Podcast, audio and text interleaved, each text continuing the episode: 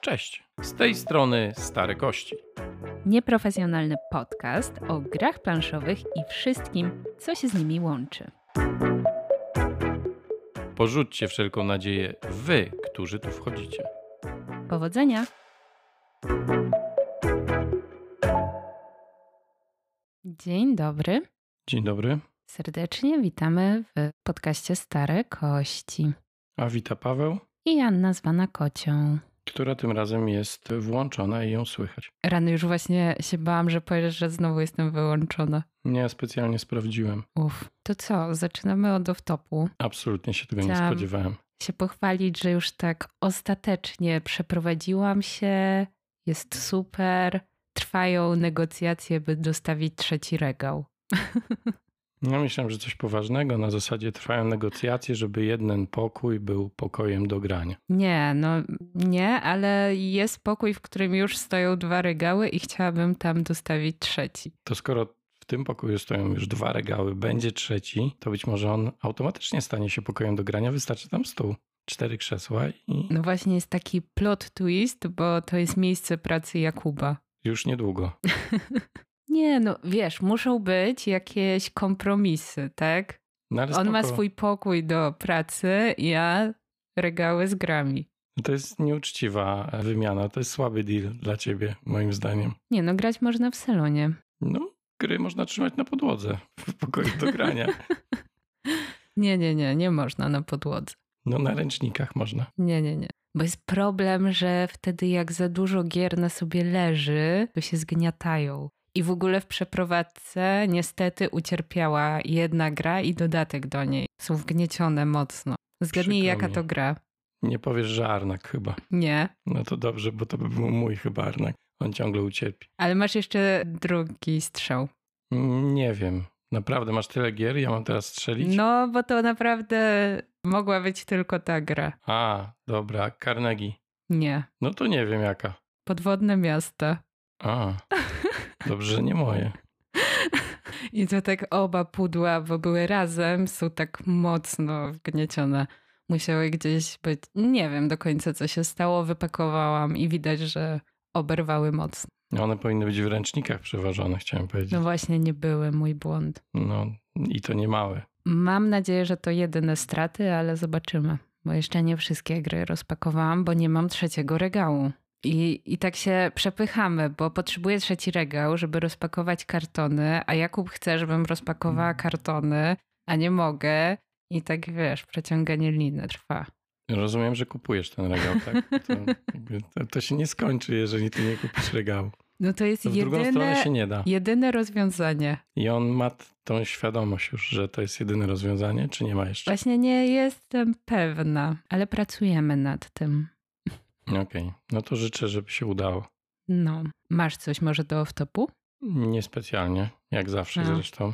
No to tak, zero zaskoczenia. Ale ty masz. Oczywiście, że tak. Chciałam na przykład powiedzieć o tym, że przekazuję dwie gry w fioletowych ręcznikach na aukcję charytatywną w czasie Allegramy. I całość kwoty idzie na Fundację Twarze Depresji i organizuje tę aukcję Panda. Spoko.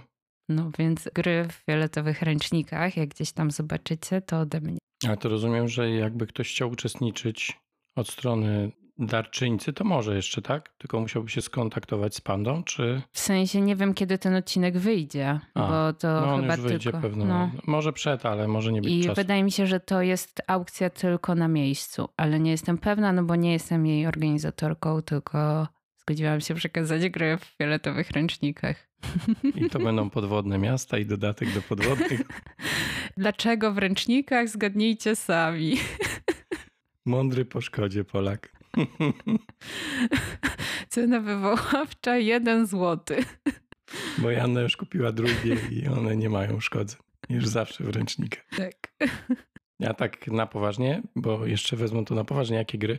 No właśnie nie Tajemnica? wiem, czy mogę zdradzać, czy nie i nie wiem, kiedy wychodzi ten odcinek, nic nie wiem. Aha, no ale nie są to podwodne miasta, rozumiem. Nie. Tylko inne uszkodzone Spoiler. gry. Dobrze. No i chyba tyle z mojego off-topu, żeby nie Brawo. przedłużać. No. To jeden z najkrótszych off-topów twoich. No właśnie, no. Doceniam. Starałam się, bo jeszcze Doceniam. mam z pięć tematów, ale stwierdziłam, że może idźmy dalej. No dobrze, czyli przechodzimy do głównego tematu dzisiejszego podcastu, a tym tematem jest recenzja gry. Beyond the Sun. Tak jest. Wydano Wraz. przez wydawnictwo Rebel w Polsce niedawno, w polskiej wersji językowej razem z dodatkiem i my zrecenzujemy i podstawkę i dodatek.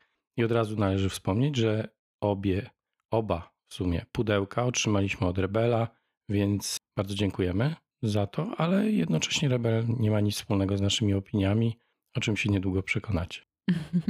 tak, oryginalnym wydawcą jest Rio Grande Games. Wydali tę grę w 2020 roku. Dodatek wydaje mi się, że w ogóle na świecie też wyszedł w tym roku, w 2023. Więc tu jesteśmy w miarę na czasie. Bo na samą grę trochę czekaliśmy i ja zdążyłam już wcześniej na przykład nabyć wersję angielską. Ja też po raz pierwszy grałem w nią chyba 3 lata temu, ale to nie jest wina Rebela, bo Rebel dość niedawno ogłosił, że będzie wydawał. Tak, oni to w miarę szybko wydali. Po prostu wydaje mi się, że też współpraca z Rio Grande Games nie należy do najprostszych. Takie gdzieś mam wrażenia i tak mi się coś kojarzy. Może też opowiem w kilku dosłownie słowach, kilkunastu może, o czym jest gra, bo jak zawsze przygotowałam sobie opis, który jest na Board Game Geeku. Chciałem powiedzieć w kilkudziesięciu, ale myślałem, Nie, że nie, chodzi nie. ci o coś innego i jeżeli chodzi o wątek jakby tematyczny, fabularny, to rzeczywiście tu się nie da wycisnąć więcej niż kilkunastu. No to opis jest następujący. Wspólnie rozwijamy drzewo technologiczne, aby napędzać nowe odkrycia i kolonizować przestrzeń kosmiczną. Koniec. I nawet nie dodali, że na koniec wygrywa ten, kto ma najwięcej punktów. Może to jest kooperacja, ja nic o tym nie wiem. No to przechodzimy do autora gry, a jest nim pan Denis Chan. I uwaga, to jest jedyna jego gra według Board Game Geek. Nie ma nic innego. No bo, a on nie jest współautorem Excela? Open To był suchar. To był suchar. LibreOffice, nie wiem. No coś, Ale coś jest programistą. stworzyć, słucham. Jest programistą. To widać. to się czuje. Jest programistą, bo sobie przeczytałam jego życiorys. Okej, ciekawe czy jakiś PM odpowiadał za wydanie tej gry i był tym kontaktem pomiędzy twórcą a wydawcą. W tym wypadku pewno nie. Mamy też artystę, bo o walorach artystycznych zaraz porozmawiamy. Tam to nie ten artysta. moment, ale tu jest artysta, pan Franz Wochwinkel. I na swoim koncie ma takie gry jak na przykład Puerto Rico, Dominion, Intrygi, Targi, czyli Tuareg, tak? Mhm. Wyprawa do Eldorado i Brzdęk. No rozumiem, że głównie był współautorem. Pewnie tak, ta wyprawa ale... do Eldorado to też nie ostatnia, tylko ta poprzednia wersja pewno. No okej, coś tam ma. Ale to nie była tak, trudna Także to nie jest jego jedyna gra, którą zilustrował, w przeciwieństwie do autora gry, który wydał jedną grę i Ale to jest na wystarczy. pewno najszybciej zilustrowana gra przez tego artystę. I pierwsza zilustrowana w Excelu i wydrukowana. Zaraz jeszcze o tym porozmawiamy, ale już chyba wszyscy wiedzą o co chodzi. Pora na ocenę i miejsce na Board Game Geeku. No to ocenę ma 8.0 równiutko, 13 tysięcy głosów, także sporo. Jest 84, więc to jest top 100 Board Game Geeka. Ciężkość mamy 3.13 od 2 do 4 graczy. Według społeczności najlepiej gra się w 3 osoby. 60-120 minut, wiek 14. Plus. No i gra, warto to powiedzieć, jest zależna językowo, jest sporo tekstu na kartach. Tak jest. Tu nie ma wątpliwości, Nie, nie. nie że ma. jest. Jest nawet zależne od tego, po której stronie siedzicie i czy macie tekst do góry nogami, czy nie. Tak, to prawda. Czyli nie dość, że trzeba umieć czytać, to jeszcze do góry nogami. To ci, co lepiej grają, mają do góry nogami, ci, co zaczynają, mają normalnie. A, czyli ja zazwyczaj jestem tym lepiej grającym. Ale to się później przekłada na wynik końcowy, jak widać, bo jeszcze mi się w tą grę nie udało wygrać, pomimo pięciu partii. Co jest dziwne, To ale jest niebywałe, ale nie takie dziwne. Mm, By, bywały takie gry. No i warto chyba teraz powiedzieć, bo to jest ten moment, że ja mogę być trochę. możesz być sobą. Ja na mogę przykład. być.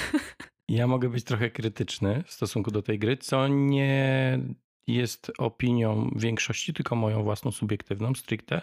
I to jest ważne, żebyście zrozumieli, że ta gra jest naprawdę popularna i wiele ludzi ją lubi. Czy ja ją lubię, to się dowiecie i na ile. Natomiast no, jakby nie traktujcie tego jako głosu wszystkich, tylko raczej mojego zrzędliwego głosu starca. No wiesz, 84 na Board Game Geeku. Ktoś tam ją lubi, no. Ktoś musi. Jeżeli chodzi o statystyki, ja mam zanotowanych 7 rozgrywek. 3 w 4 osoby, 3 w 3 osoby i jedną w 2 osoby. A ja A ty? mam pięć, ale nie pamiętam w jakim gronie, bo pierwszy raz grałem wersję anglojęzyczną i to było dawno temu i tam były chyba cztery osoby, a tak grałem wspólnie z tobą. Nie mamy chyba partii dwuosobowej razem zagranej? Nie mamy. Czyli ja nie grałem w dwie osoby, grałem trzy i cztery tylko. No i u mnie top score w aplikacji to 67 punktów, najniższy to 30 punktów i średni to 49,7. No i żaden nie jest mój. Żaden. Smutek. Ale i radość, bo choćby nie lowest. najniższy mógłby być. Nawet średniego pewno nie łapie, no ale trudno. No i co? Teraz pora na zasady. O, to ja nawet umiem. Wreszcie coś dla Pawła. To ja nawet umiem. Już będę mówił. Skrótowo zasady, pamiętajcie, że to jedynie skrót i starałem się, żeby to było bardzo, bardzo szybko, więc zobaczymy jak mi wyjdzie. Gra jest turowa, gramy naprzemiennie, w stałej kolejności od pierwszego gracza, który jest niezmienny aż do zakończenia gry, a warunkiem zakończenia gry jest spełnienie celów przez wszystkich graczy określonej liczby tych celów w zależności od tego, ilu graczy uczestniczy w rozgrywce. Tura gracza składa się z trzech faz, przy czym ta ostatnia faza to jest tak naprawdę faza osiągnięć. Jeżeli udało nam się jedno z tych osiągnięć, czyli celów zrealizować, to możemy to zaznaczyć naszym znacznikiem i cieszyć się z tego niewątpliwego sukcesu. Natomiast generalnie tura z gracza sprowadza się do dwóch czynności. Pierwszą czynnością jest faza akcji, gdzie wykonujemy jedną konkretną akcję. Drugą czynnością jest produkcja, którą wykonujemy na koniec swojej tury. Mm, Wprawdzie jeszcze przed tą fazą osiągnięć, ale te osiągnięcia to spełnić czterech graczy albo pięciu na przestrzeni całej gry, więc głównie z tego nie korzystamy. W fazie akcji używamy kości. Kości są symetryczne i mają trzy rodzaje symboli. Populację, głównie odpowiadającą za odkrywanie i korzystanie z technologii, do tego też potrzebną. Statki, które służą do eksploracji oraz ekspansji galaktyki i planet, a także zasoby, które służą do produkcji dwóch powyższych rodzajów dobra, o których już Wam przed chwilą powiedziałem. I tak oto, używając kości, możemy odkrywać technologię, latać i podbijać planety. Niekiedy jedno lub drugie musimy wykonać dodatkowym kosztem, i tym kosztem mogą być właśnie między innymi statki, a bardzo często też nasza populacja. Na koniec tury mamy fazę produkcji, oferującą nam jedną z trzech możliwości: produkcja populacji, produkcja rudy albo wymiana zasobów po określonym kursie. I to tak naprawdę wszystko na tym kończy się cała tura gracza. Gracz odkrywa technologię, idzie na jakieś pole akcji, wykonuje tą akcję, płaci koszt. Zazwyczaj dzieją się też różne jakieś pobieżne i inne czynności, które musi wykonać w tym czasie, a następnie przychodzi tura na następnego gracza i on wykonuje dokładnie ten sam proces. Ostatnim aspektem gry, oprócz rozwoju technologicznego, ekspansji, eksploracji planet i układów, jest rozwój produkcji, który niemal zawsze jest pochodną wymienionych wcześniej akcji. Czyli przez to, że coś odkryjemy, albo przez to, że podbijamy jakąś planetę, pozbywamy się znaczników, które nie wiem czym są, symbolizują jakieś tam aspekty naszej kolonizacji, naszej frakcji i dzięki temu odblokowujemy sobie następne sloty do tego, żeby produkować. Więc jest produkcja i jest rozwój planszy i ten rozwój właśnie, czy tam ta produkcja jest zależna od tego rozwoju bezpośrednio. Od tego zależy przychód, jego proporcje, a w wariancie zaawansowanym niekiedy warunkuje to odblokowanie umiejętności specjalnych graczy.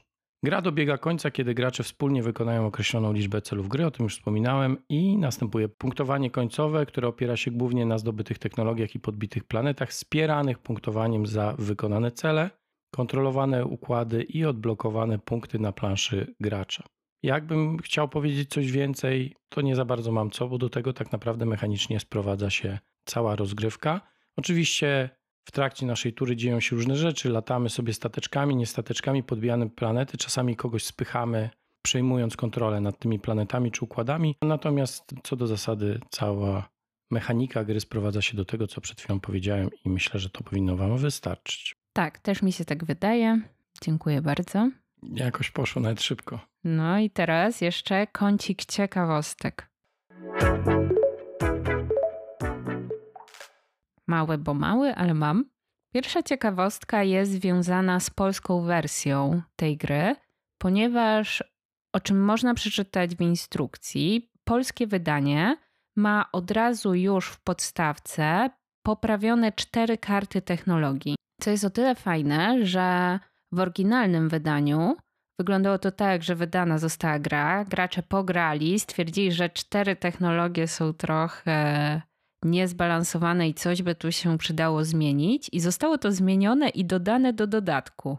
Więc jeżeli ktoś chciałby mieć te poprawione technologie, no to mógł kupić dodatek, a przy okazji dostać te cztery poprawione karty. Natomiast w polskim wydaniu jest tak, że już w podstawce po prostu te karty zostały poprawione i w związku z tym w dodatku mamy cztery puste karty, na których możemy sobie narysować kwiatkę albo zrobić własną technologię, bo należą nam się cztery karty, ale że już nie ma tych poprawionych, to są puste.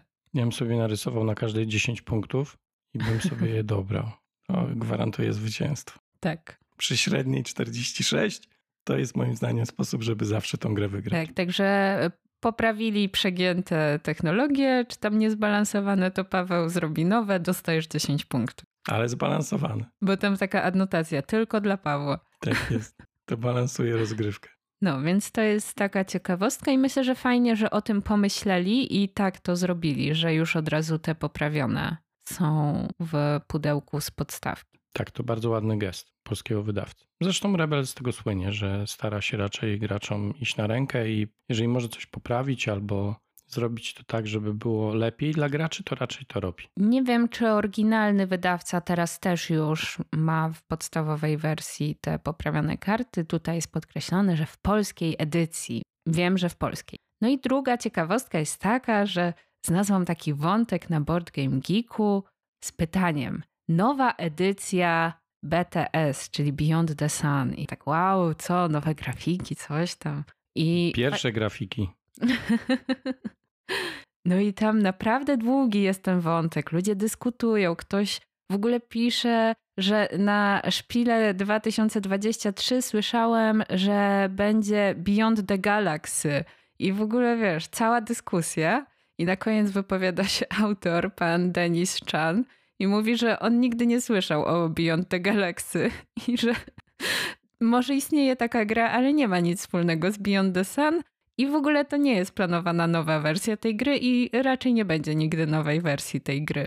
Więc jeżeli zobaczylibyście ten wątek albo myśleli, hmm, może po prostu to takie pierwsze wydanie i nie wiem, będzie kolejne jakieś odświeżone, to nazwijmy, Big box, big box. to raczej nie.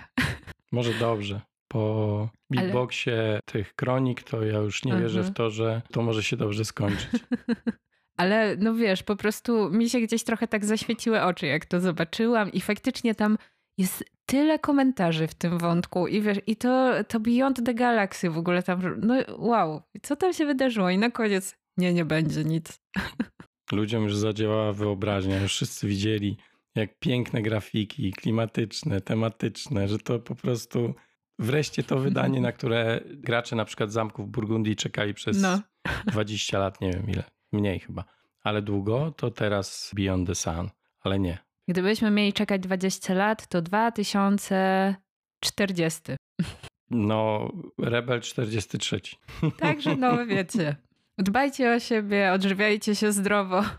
No i czekajcie, a ci, którzy chcą czekać od razu na tą lepszą wersję, nowszą, z nowymi grafikami i nie chcą teraz a, grać, to no ja nie to bardzo się teraz rozumiem. Kupować, nie opłaca no. się, nie opłaca. Lepiej zaczekać. Później ciężko będzie sprzedać.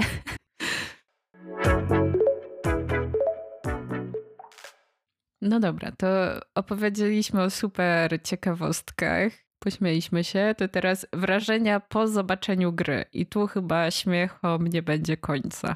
Nie mam pojęcia, Asia, co sądzisz o grze wizualnie? No bo. Słuchajcie, no dla mnie ta gra wygląda trochę jak prototyp. W sensie tak mógłby wyglądać prototyp gry jakiejś. Takie masz. Y, no taki feeling mi daje. No, ja powiem i to nie jest żart, że ją można by było zaprojektować od początku do końca w Excel. Wszystkie te karty to się da odtworzyć jeden do jednego w sensie takim, że narysujesz Pęcie. Znaczy w pęcie tak, no ale to przynajmniej jest program do grafik w jakiś sposób, tak, uproszczonych, ale jednak. Ale w Excelu też to jesteś w stanie zrobić. Te, większość tych rzeczy. Plany to oczywiście niekoniecznie, ale te wszystkie technologie są pozbawione praktycznie ilustracji, klimatu, tematu. Słuchajcie, mam pomysł. Gdybyście kiedyś chcieli zrobić jakiś konkurs, to ogłoście konkurs na zaprojektowanie gry w Excelu. No, no to już odbył się, został wygrany przez pana Czana. Jakby to druga edycja. O, drugą, o drugie miejsce ktoś będzie walczył halo. Pogrubione czcionki, ładnie w linii, plus jeden element graficzny. No i poszło, tak? Jakby cały ten koncept technologiczny to jest po prostu karta, na której jest kolor. To nie to, że ten kolor ma jakieś zastosowanie, że to jest tak, że tam jest jakaś grafika, która ma cokolwiek symbolizować. Nie, no tam jest trójkąt zazwyczaj, tak, jeżeli to jest jeden kolor, albo przedzielony na pół, żeby było wiadomo, że są dwa kolory. Ale przedzielony na pół trójkąt to nadal trójkąt, tak. tylko że razy dwa. Tak, tak natomiast no, generalnie, tak, chodzi o to, że to są trójkąty. I, I prostokąty. I prostokąty. Tyle, tam nic więcej nie ma i tekst. Nikt się nie wysilał, żeby było więcej. Mhm. Do tego cienki karton pudełka, które odkształca się już w zasadzie od samego leżenia na półce ono tak się, ja nie wiem, szpagatuje się, czy jak to się tam mówi, wiesz, tak się rozjeżdża po prostu to pudełko, bo jest z cienkiej tektury. Nie wiem, czy o pudełkach mówi się, że się szpagatuje, ale od razu mi przyszedł na myśl Jean-Claude Van Damme, jak jedzie pomiędzy tymi dwoma tirami i robi ten szpagat. No to no teraz tak sobie tam wyobraź, że pudełko tam jest pudełko Beyond the Sun i ono coraz większy szpagat robi. Spoko, to, to trzeba by mema stworzyć takiego moim zdaniem. Ale to jest twoja umiejętność, więc ja czekam po prostu. Będzie mem. Joanna stworzy. A może po prostu na okładkę tego odcinka? Jeżeli stworzysz, zamieszczę. Dobrze. Do tego w środku proste przegródki z kartonu. Raczej panuje chaos i woreczkoza. I tak. to są wszystkie moje wrażenia. Czy nie? Znaczniki są ok, no drewniane. Naprawdę nie, nic nie Jest fioletowe. Jest mhm. fioletowe, to jest najważniejsze. No i kości są fajne, bo są kustomizowane, natomiast. I ty to mówisz, i ty to mówisz. Człowiek, który potem wszystkim mówi, że nie opłaca się tych kości przekręcać i nieważne, co na nich jest. To jest zupełnie inna sprawa, że mechanika gry w pewnym momencie mówi przekręć kości, bo to jest populacja, a to są statki, a to jest towar. Nie ma to znaczenia. Jakby ta kość mogłaby mieć, nie mieć żadnego symbolu i w zależności gdzie byśmy ją położyli, to by była po prostu populacją, statkiem albo zasobem. Ja w ogóle tych kości nie przekręcam. Dla mnie to nie ma znaczenia, bo to, czym są te kości, definiuje, gdzie je położymy. Mhm. I tyle. Ale rozumiem, że są kustomizowane. No gdzieś poszła ta cała para estetyki, poszła w kości. Zapomnieli o ilustracjach, ale kości zrobili. I w zadrukowanych drewnianych znacznikach. Tak, no bo planszetki są też excelowskie. Mhm. Te gracze. Tak. Jakby tam praktycznie nic nie ma. Ale mają warstwy. Cebula też ma warstw i nigdy o tym nie rozmawialiśmy w podcaście. I, i więc... planszetki mają warstwy. Tak. I ogry mają warstwy. Więc ogry są jak planszetki. jak cebula. I planszetki są jak cebula. W każdym razie tylko może ładniej pachną, nie wiem tego. Ja lubię jeść cebulę na Słuchajcie, surowo. otwieramy kącik filozoficzny. Ja lubię jeść... I kulinarny. Lubię cebulę jeść na surowo. Nie za często, bo oczywiście zapach wtedy zabija, ale są takie odmiany cebuli, które są bardzo słodkie i są naprawdę pyszne. Przy czym wolałbym zjeść cebulę niż tą planszetkę z Beyond the Sun. Słuchajcie, ktoś tam pytał w tym Q&A, czy ja, czy Paweł lepiej gotujemy, no to macie na miastkę. Paweł dałby wam surową cebulę. Albo planszetkę z Beyond the Sun. To jest to samo. Tu są warstwy, tam są warstwy. Tak, trochę odeszliśmy od tematu, ale Troszkę. generalnie Asia ma rację. Tam no, nie ma na czym się oprzeć, na czym oprzeć oka. No są te planety, tak, ale tu z kolei jest problem w drugą stronę, że ta plansza jest jeszcze w miarę, ale już te karty są mało czytelne. Tam jest znowu jakoś taki, rządzi kolorystyka czarno, czerwono, niebieska i ciężko czasami jest zapanować nad tym, co na tych kartach jest. Drobnym maczkiem jest tekst i jak ktoś siedzi daleko od planet, to jest w ogóle case tej gry. Jak siedzimy daleko od technologii, jeżeli gramy w wariancie zaawansowanym i one są wyłożone, to nie idziemy w technologię, idziemy w planety, bo siedzimy blisko planet. Jak siedzimy z kolei daleko od planet, to to nie idziemy w planety, tylko idziemy w technologię, bo pewno mamy je blisko i je widzimy i przynajmniej jesteśmy w stanie czytać. No ja mniej więcej tak gram w tę grę, bo to wszystko jest rozłożone, a w wariancie zaawansowanych tych kart w pewnym momencie na stole technologicznych jest tam nie wiem, 8, 10, już tracisz kontrolę nad tym, bo co chwilę też ktoś dobiera Chyba te karty. 12. Więc one, ale to po kolei się odkrywają, tak? no ale potem mamy tak. 12. Więc grubo tego jest i w ostatniej partii, jaką pamiętam, jaką grałem, to już było jakiś czas temu, w ogóle nie wiedziałem, co w tych technologiach jest. Asia siedziała blisko, wiedziała, no i przełożyło się to na wynik. Ja za to robiłem wszystko w kosmosie, tam podbiłem Tak. chyba sześć planet. No kręcił się, wiecie, od planety do planety nic nie robił, tylko w kółko tam latał. Klasyka. I tym samym przepięknie przeszedłeś do tematu setupu i zarządzania grą, bo to jest kolejny temat, a już tak szeroko powiedziałeś, że można to trochę podpiąć pod temat, bo faktycznie mamy wariant zaawansowany, gdzie są wyłożone technologie i to jest taka siatka z Excela znowu 3 na 4, gdzie leżą karty. No i ta gra zabiera sporo stołu. Faktycznie ciężko jest ustawić wszystko tak, by każdy gracz miał dostęp, a jest sporo kart do czytania, bo wszędzie jest tekst i wszystko powinniśmy wiedzieć, co się na planszy dzieje. I jest to ciężkie do ogarnięcia, a jak jeszcze część graczy ma to do góry nogami, no to już w ogóle jest wspaniale. Jeżeli chodzi o taki setup, no to są zmiany, jeżeli chodzi o różną liczbę graczy, więc to jest ok. Nie są to duże zmiany i to się łatwo robi. Natomiast trzeba pamiętać, że na początku wybieramy karty startowe, jeżeli chodzi o planety, jeżeli chodzi o technologię, jeżeli chodzi o wydarzenia, to niektóre wydarzenia muszą wejść i musimy je najpierw znaleźć, tasować z innymi wydarzeniami i dopiero je rozłożyć, potasować technologię, wyłożyć w wariancie zaawansowanym tą siatkę technologii. Więc trochę tego setupu jest i tu taka ciekawostka, że na początku ja w ogóle nie byłam w stanie znaleźć setupu do tej gry, bo jest instrukcja, a setup był zrobiony na oddzielnej kartce, która była zamykana w formacie A4 i to było w środku. Na zewnątrz był opis wariantu zaawansowanego i nie wiem, czegoś tam jeszcze, więc ja odłożyłam tę kartkę i mówię, słuchajcie, no czytam tą instrukcję, no nie ma tu setupu, przysięgam wam, no nie widzę. Więc raz setupowaliśmy to źle, bo ja nie znalazłam tego w ogóle. No ale Na wiesz, szczęście zagrał potem ze mną w to Janek, którego pozdrawiam i który mi powiedział, nie no jak, to jest cały setup rozpisany, otworzył tą kartkę, a tam w środku setup, a ja w ogóle aha, ekstra.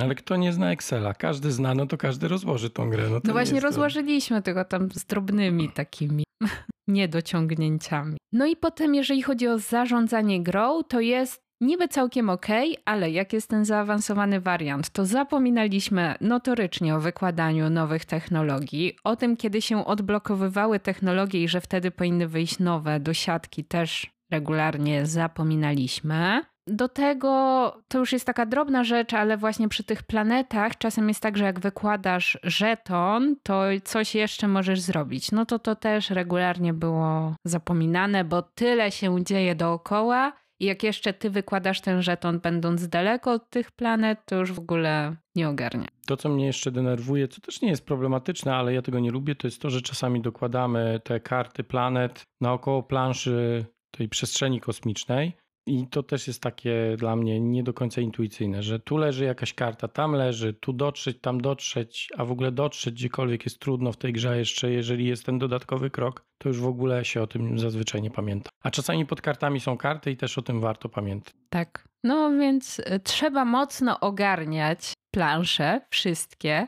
A można powiedzieć, że są trzy, cztery obszary gry, bo mamy swoją planszetkę, planszę główną z technologiami, planszę z planetami, bo to jest oddzielna planszetka, no i ta strefa technologii do wyboru, które dopiero będziemy badać. Więc jest tego sporo, dużo miejsca to zabiera, do tego jest dużo tekstu. Może dlatego lepiej grać w trzy osoby, bo mniej osób ma do góry nogami. Na pewno dlatego właśnie. Tak. Rozgryzłam tę grę. No to co, dalej? Tak. Połączenie tematu i mechaniki. Czy jest klimat, czy ma to sens? To teraz ja? To nie, nie będę się wysilał, żeby wam o tym opowiadać dłużej niż w jednym zdaniu. Tu nie ma nic. Jakby O, a ja trochę się ma nie nic. zgadzam. Znaczy, rozwijamy technologię i latamy w kosmosie, ale ja w ogóle nie czuję, że to jest gra o kosmosie. No właśnie, dla mnie to jest tak, że nie ma tu za bardzo klimatu, ale z drugiej strony to, co robimy, jakoś tak mi do tego tematu pasuje, że rozwijam te technologie, że latam w tym kosmosie i że to się ze sobą łączy i na siebie wpływa.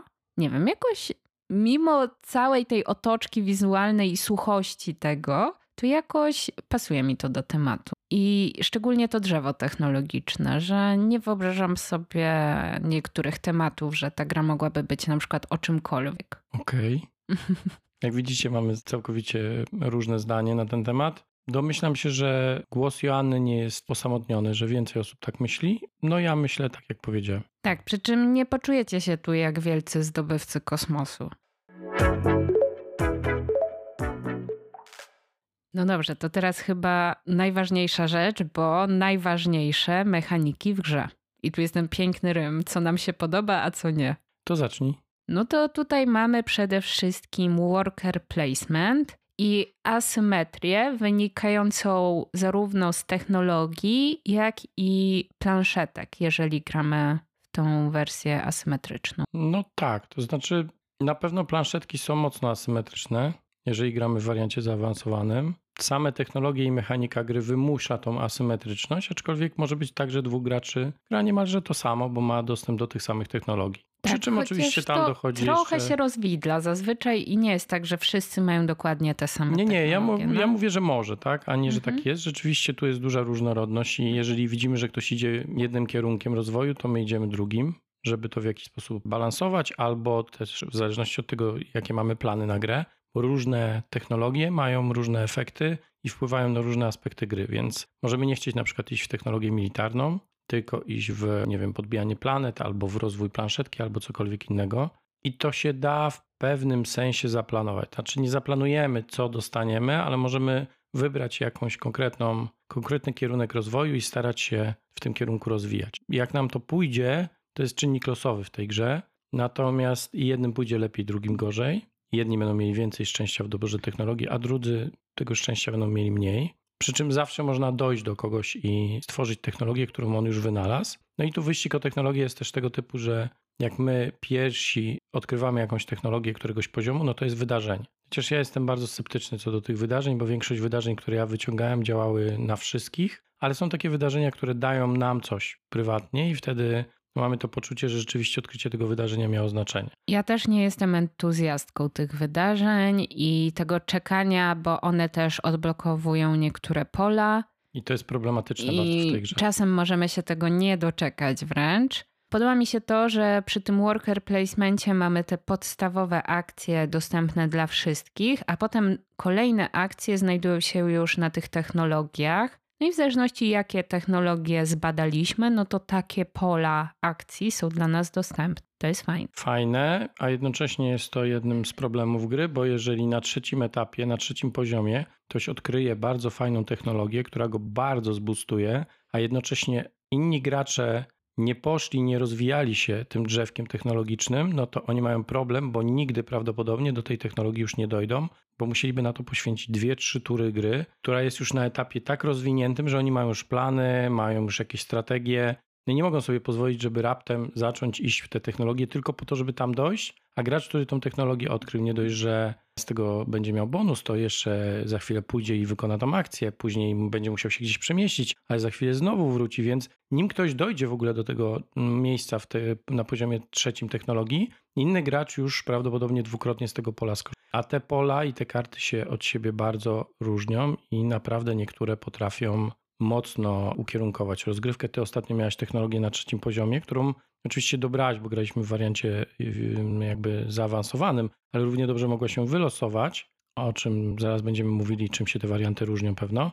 I ta technologia pozwalała ci odkryć technologię czwartego poziomu mhm. jakoś szybciej, albo odkrywać inne technologie trzeciego poziomu. W każdym razie no, dawała ci jakiś straszny boost, chyba czwartego poziomu, bo nie był odblokowany na dole ten, tak. te pole akcji, które dawało możliwość w ogóle odkrywania poziomu czwartego technologii i ono się nie odkryło do końca gry, a ty miałeś kartę, która na to pozwalała. Tylko nikt oprócz ciebie nie poszedł tym drzewkiem technologicznym i każdy, kto chciałby to zrobić, musiałby poświęcić na to trzy tury. Znaczy ja wiem, mogliśmy No, iść, nie? ale z no drugiej nie strony wiem. nikt nie wiedział, jaka karta wyjdzie i w jakim momencie. Ja na nią Zasłużyłam. jakby czekałam, widziałam, że jest i ją planowałam. Nie, ja rozumiem, tak, tylko no wiem, równie dobrze chodzi. w wariancie podstawowym ona mogła wyjść albo nie wyjść. Tak. W wariancie zaawansowanym też jej mogło tam nie być wcale i tak byś się rozwijała technologicznie i mogłaby wyjść tą pierwszą kartą, którą byś wzięła losowo. Ale To- sama mechanika jest spoko, Mhm. To, co też mi się podoba, to rozwój planszetki gracza i całkiem ciekawy mechanizm produkcji, szczególnie ten populacji, bo możemy albo wyprodukować populację, albo rudę, albo zrobić te wymiany. Przy czym to jest tak, że zdejmujemy dyski z planszetki albo na planety, albo automatyzujemy je. Niektóre te dyski permanentnie schodzą, a niektóre mają szansę niestety wrócić, co dla nas nie jest raczej korzystne.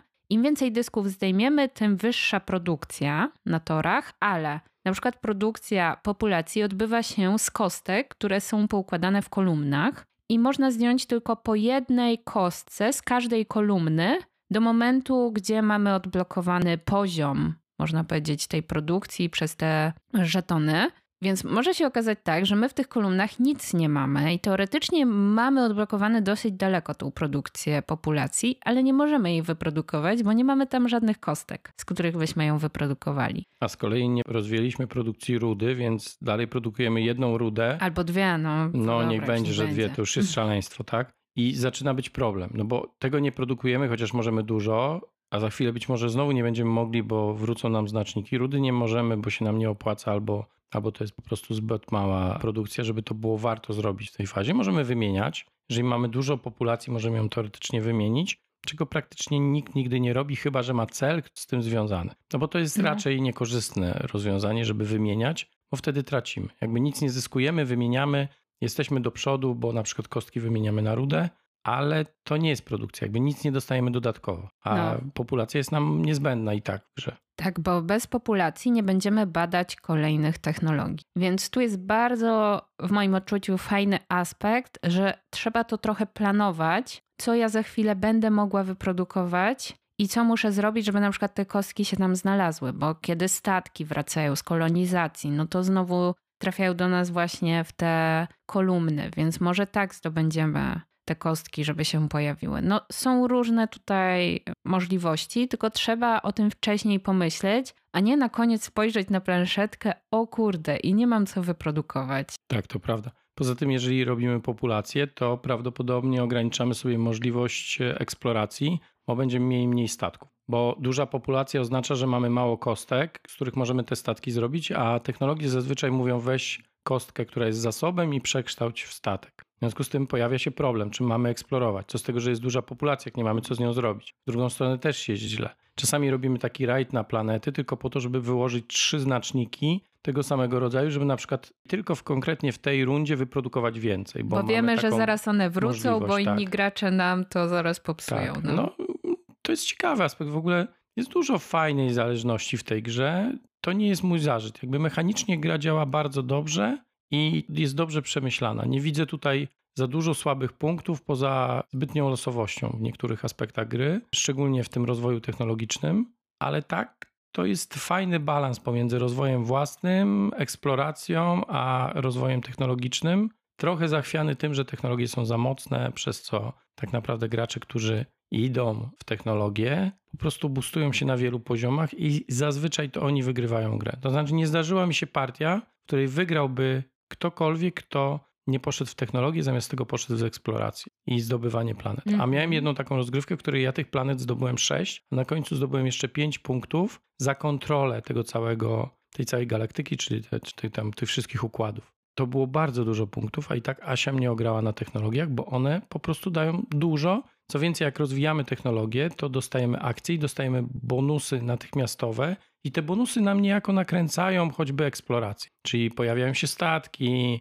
możemy tymi statkami ruszać. No mamy dużo możliwości. Ja nie umiem w te statki. To muszę przyznać od razu. Nie umiem w statki i zaraz jeszcze do tego wrócę, ale dokończ. Tak, ale nie musisz, bo jeżeli rozwijasz się na technologiach, to dzieje się niemalże automatycznie, a jest taki moment w grze, gdzie walczymy o różne planety i kiedy gracze już zwyciężają i zdobywają te planety, to znikają z planszy. I jest taki moment zawsze, gdzie ten gracz, który jest słabszy, i tak zgarnie tą jedną, dwie planety, bo nie ma w tym momencie konkurencji i on to po prostu zrobi niemalże automatycznie. W drugą stronę, na planetach i całym tym kosmosie nie ma praktycznie możliwości, żeby rozwijać się technologicznie. Jest niewiele kart, które na to pozwala w jakimkolwiek stopniu. W związku z tym, jeżeli pójdziemy w kosmos, nie idąc w technologię, to nie rozwiniemy się w ten drugi sposób, ale idąc w technologię, jesteśmy w stanie robić efektywnie różne rzeczy w kosmosie. Co więcej, rozwijamy swoją planszetkę. Tak, i tutaj ja chciałam się odnieść do tego zdobywania planet, że ja trochę w to nie umiem i to może być trochę frustrująca dla mnie, przynajmniej negatywna interakcja. Ponieważ to wygląda tak, że najpierw musimy mieć większość na danej planecie w jednym ruchu, a dopiero w kolejnym ruchu możemy wykonać akcję kolonizacji. I do tego momentu, jeżeli ktoś nam przejmie tą kontrolę nad tą planetą, i tą większość, no to już znowu nie możemy wykonać tej akcji kolonizacji. Więc znów możemy zrobić akcję, żeby przejąć większość i liczyć na to, że nikt jej nie przejmie do naszego kolejnego ruchu, kiedy będziemy mogli skolonizować. A jeżeli jeszcze ktoś inny zajmie na przykład na ten moment jedyne pole z akcją kolonizacji, no to znowu nie możemy jej zrobić. I to trochę mnie frustrowało i też może być taka sytuacja dosłownie, że gdzie dwóch się bije, tam trzeci korzysta. Czyli jeżeli te dwie osoby będą tak się biły o te planety i traciły na to trochę ruchy, szczerze mówiąc, to ta trzecia osoba, która to oleje i będzie robiła swoje na tych technologiach chociażby, no będzie do przodu, bo to właśnie są takie głupie ruchy, że tu przelecę, żeby mieć większość, no to mi przeciwnik przyleci i przejmie mi tą większość, to ja przylecę, żeby mieć większość. I już właśnie straciłam dwie akcje na latanie statkami i nic za dużo nie zrobiłam. Co więcej, jeżeli ktoś przejmuje kontrolę,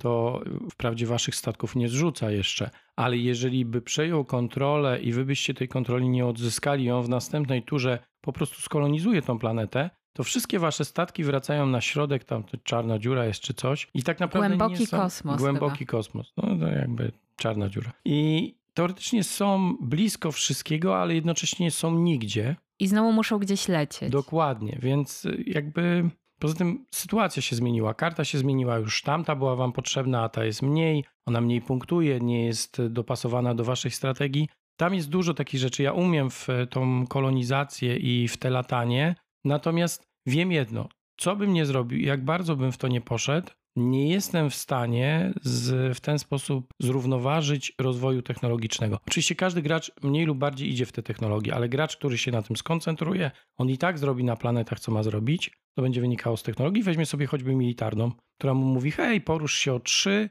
i coś tam zrób. Albo zbuduj statek za 4 i porusz się o 2. Tam wystarczy jedna kostka, żeby mieć kontrolę nad tą planetą, bo wystarczy, że ona jest czwórka i nawet trzy jedynki jakby od razu odpadają i my mamy czwórkę, ktoś ma trzy siły i my przejmujemy kontrolę nad planetą.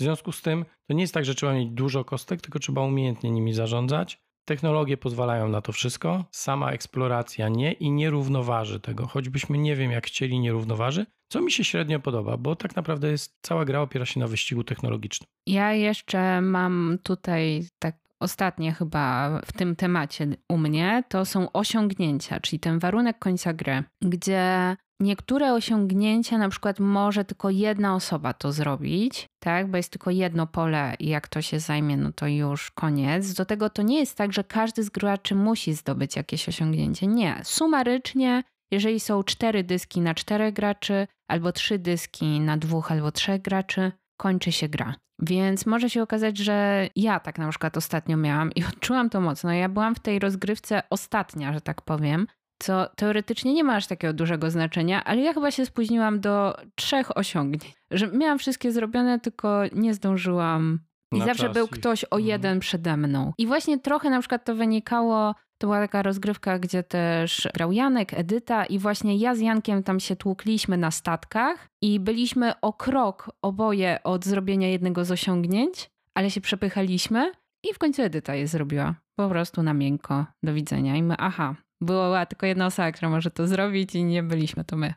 Są takie, te, takie cele rzeczywiście. Co jeszcze bardziej irytujące, ten cel na pozyskanie chyba czterech kart planet. Czterech? Czterech. Tak, bo są dwa wydarzenia, nie wydarzenia, tylko karty osiągnięć, które są zawsze. Tak. Pozyskanie pierwszej technologii czwartego poziomu i skolonizowanie czterech planet. No i to skolonizowanie, tam każdy może wziąć w tym udział i każdy dostanie punkty, chociaż nie zawsze i najczęściej nie każdy bierze, bo ten wyścig Mhm. nie jest dla wszystkich równomierny i nie każdy chce w nim uczestniczyć. W tą kolonizację nie każdy idzie. Natomiast pamiętasz tą rozgrywkę ostatnią, jeszcze raz ją przytoczę, gdzie ty właśnie, ja miałem bardzo szybko się rozwinąłem na, ale tylko na dwóch drzewkach technologii, żeby dojść do trzeciego poziomu i byłem gotowy i wiedziałem, którą kartę czwartego poziomu chcę zagrać. I słuchajcie, do końca gry, chyba w ostatnim ruchu tak naprawdę graczy, czy przedostatnim, wyszła karta wydarzenia, która odkrywała możliwość zdobycia technologii czwartego poziomu. Tak, I przy tej akcji wcześniej było, nie było. to było trochę zależne ode mnie, tu nie ukrywam, dlatego że ja wcześniej wzięłam wydarzenie, którym mogłam odblokować tę akcję i postanowiłam, że odblokuję tę drugą, bo tam był wybór z dwóch. I mi się nie opłacało wam odblokowywać tej możliwości, a ja ją miałam na karcie technologii, do której tylko ja miałam dostęp. Więc jako, że mi się trafiło to wydarzenie i ja miałam tą pierwszą decyzję, to ja zadecydowałam, że tego nie odblokuję. I faktycznie musieliście szukać drugiej karty wydarzenia, żeby to odblokować No dopiero. tak, ale tobie jako jedynie nie zależało, bo ty odkryłaś technologię trzeciego No. poziomu, która pozwalała odkryć technologię czwartego poziomu, No. tylko nam, nas nie tak, było w więc tym drzewku. na mnie to trafiło i ja trochę wam zrobiłam podgórkę tym Ale też. to nie o to chodzi. Ja nie mam do ciebie pretensji, że tak wybrałeś. To było oczywiste. Trudno, żebym miał Nie pretensje. było, to było, ale było już może nie oczywiste. wchodźmy, bo ja jeszcze przypominam, miałam tą frakcję, która ma zgadnąć, czy będzie więcej celów tam, takiego Ale tam były takiego. ile? Trzy punkty, cztery punkty za to. Pięć? Nieważne. Nie to i pamiętam. tak było oczywiste, że ty tego nie zrobisz. Natomiast chodzi o to, że tam tych kart drugiego poziomu i pierwszego jest po pięć, tak? Z tego co pamiętam, czy po sześć nawet. Sześć. Po sześć. Więc dwie z sześciu kart odblokowują akt. I o ile ty trafiłaś szybko na tą pierwszą, która odblokowywała i odblokowałaś tą drugą akcję, o tyle my z Martą później w trakcie gry próbowaliśmy kilkukrotnie znaleźć to wydarzenie, które odblokowuje tą I drugą ono było akcję. pod nam ostatnią się, kartą. nam się nie udało tego zrobić, tak? I ta ostatnia akcja, której, czy tam przedostatnia, w której Marta to odblokowała, nie wynikała już nawet z tego, że ona bardzo chciała, tylko nie za bardzo było co robić. Grze jest taki moment, kiedy już nie masz pomysłu, w jaki sposób zdobyć punkty, więc robisz technologię, bo to daje trzy punkty, powiedzmy. I to się odblokowało. Było już za późno, a Joanna wcześniej odblokowała kartę, która dawała możliwość odkrywania czwartego poziomu technologii i jako jedyna odkryła ten czwarty poziom technologii, chociaż ja byłem na to przygotowany kilka rund przed nią, no i karta nie wyszła. I to jest mega frustrujące, słuchajcie, kiedy planujesz grę i gra przed tobą stawia cele strategiczne, a ta gra stawia takie cele i mówi: Hej, jeżeli szczególnie jak grasz w wariancie zaawansowanym, mówi: Hej, to, to i to robisz, na to się musisz sfokusować, a później z tego jeszcze zrobisz to. Jak dobrze zaplanujesz, to na końcu tam leży w zaawansowanym wariancie taka technologia czwartego poziomu, która ci da 8 czy 9 punktów. Moja dawała mi 8. I ja ją mogłem zrobić, i to była technologia pode mnie, bo ona była za chyba liczbę planet, jakie zdobyłem, czy jakoś tak. Kurczę, no wszystko zrobiłem, żeby ją zdobyć. Tylko finalnie nie byłem w stanie, bo gra nie udostępniła mi mechanicznie takiej możliwości przez półtorej godziny rozgrywki. Jakby nie widzę tutaj argumentu, dla którego takie rzeczy powinny się dziać. I przy grze, która trwa tak długo i wymaga od nas takiego planowania, tak jak ty powiedziałeś, choćby na planszetce, że co będzie naszą populacją, a co będzie statkami i jakie tempo nadać tej produkcji, co odblokowywać, co nie, żeby efektywnie produkować, no tam jest dużo zależności, które wymagają od nas planowania na dwie, trzy tury do przodu, my wiemy, co chcemy zrobić, a na końcu się okazuje, że ta karta nie wyszła, sorry, wydarzenia nie ma. I ja nie mogę tego zrobić, chociaż jestem przygotowany, a ty możesz, a ja, żeby zrobić to, co ty, musiałbym trzy tury poświęcić, czyli tak bym nie zdążył zrobić tego, co ty. Co więcej, ty tam pójdziesz, zablokujesz mi to pole akcji w tym momencie, kiedy ja będę mógł tam pójść. Więc te blokowanie jest troszkę frustrujące, ale najbardziej frustrujące jest to, że gra w pewnym momencie mówi: Nie zrobisz tego, bo mechanicznie my tego nie przewidzieliśmy. Mm, Przechodzimy do losowości versus kontrola. Czy gra jest strategiczna lub taktyczna? Tak myślę. No okej, a jak myślisz? I może byśmy tu w ogóle zaczęli od tego, żeby powiedzieć też o tym wariancie zaawansowanym, Czy Tak. jeszcze nie? Bo może Możesz. to jest ten moment. Wolnie o tym możemy powiedzieć, kiedy chcemy. Tak, jeżeli chodzi o ten wariant zaawansowany, czyli na razie jeszcze nie mówimy o dodatku, tylko o grze podstawowej, w której jest wariant zaawansowany, to mamy wtedy taką wystawkę z technologii 3 na 4 bo drugiego, trzeciego i czwartego poziomu w odpowiednich kolorach i widzimy, jakie są dostępne technologie. Jeżeli żadna nam nie pasuje, to możemy jeszcze wziąć w ciemno, ale jedną. Wariant podstawowy z kolei bierzemy po prostu dwie karty w ciemno W danym kolorze, czyli w danym danym kolorze, rodzaju tak. technologii, jaki i to jest tak, że inny gracz musi wyciągać te karty i szukać odpowiedniego koloru, nam je podaje i my z nich wybieramy. I wybieramy jedną z tych dwóch kart, druga, e, że tak powiem, spada. No i jeżeli na wystawce jest coś spoko, to jest e, fajnie, ale kiedy nie ma na tej wystawce tego, co by nam się przydało, to mamy do wzięcia w tym wariancie zaawansowanym tylko jedną kartę w ciemno. Tak, to się nazywa to wariant zaawansowany, nie wiadomo dlaczego. Rosyjska jakby. ruletka. No bo jednak da się trochę zaplanować, tylko trzeba mocno planować, bo trzeba też planować kolory i wiedzieć, że żeby mogła tę technologię zbadać na trzecim poziomie, to na drugim poziomie muszę mieć ten kolor, czyli muszę pójść tu, tu i tu. I możemy całkiem sporo zaplanować, a na koniec oczywiście może się wydarzyć tak, że ktoś inny wcześniej to weźmie. I położy po drugiej stronie Tak, planszy, gdzie my w ogóle miejscu, nie mamy pod rozwoju. innymi kolorami, bo często to jest tak, że ta technologia może być albo w tym kolorze, albo w tym. Tak, to prawda. Więc trochę da się zaplanować, ale nadal nie wszystko. No i faktycznie jest tak, że trzeba wtedy mocno czytać te technologie, wiedzieć, co tam się dzieje, pamiętać o tym, żeby je wykładać. I to nie jest też tak, że od początku są zapełnione wszystkie rzędy, tylko dopóki mamy tylko możliwość odkrywania technologii drugiego poziomu, to widoczne są tylko te drugiego poziomu. Kiedy pojawi się jakieś pole, które umożliwia odkrywanie czy tam badanie technologii trzeciego poziomu, dopiero wtedy wykładamy te trzeciego poziomu. A kiedy pojawi się pole, gdzie można badać czwartego poziomu technologię, wychodzą te ostatnie. Więc to też nie jest tak, że od początku widzimy wszystko. Czyli podsumowując, wariant zaawansowany nie jest mniej losowy niż wariant podstawowy. Co więcej, tak naprawdę pewne informacje otrzymujemy dopiero w trakcie rozgrywki i dalej nie jesteśmy w stanie się na to przygotować. Oczywiście ta technologia pierwszego poziomu, czy tam drugiego w tym wypadku, tak? Ok, widzimy ją od początku, ale już trzeciego my poszliśmy jakimś drzewkiem, wyszły trzeciego poziomu technologie, by nam się przydała taka technologia, ale ona ma inny kolor.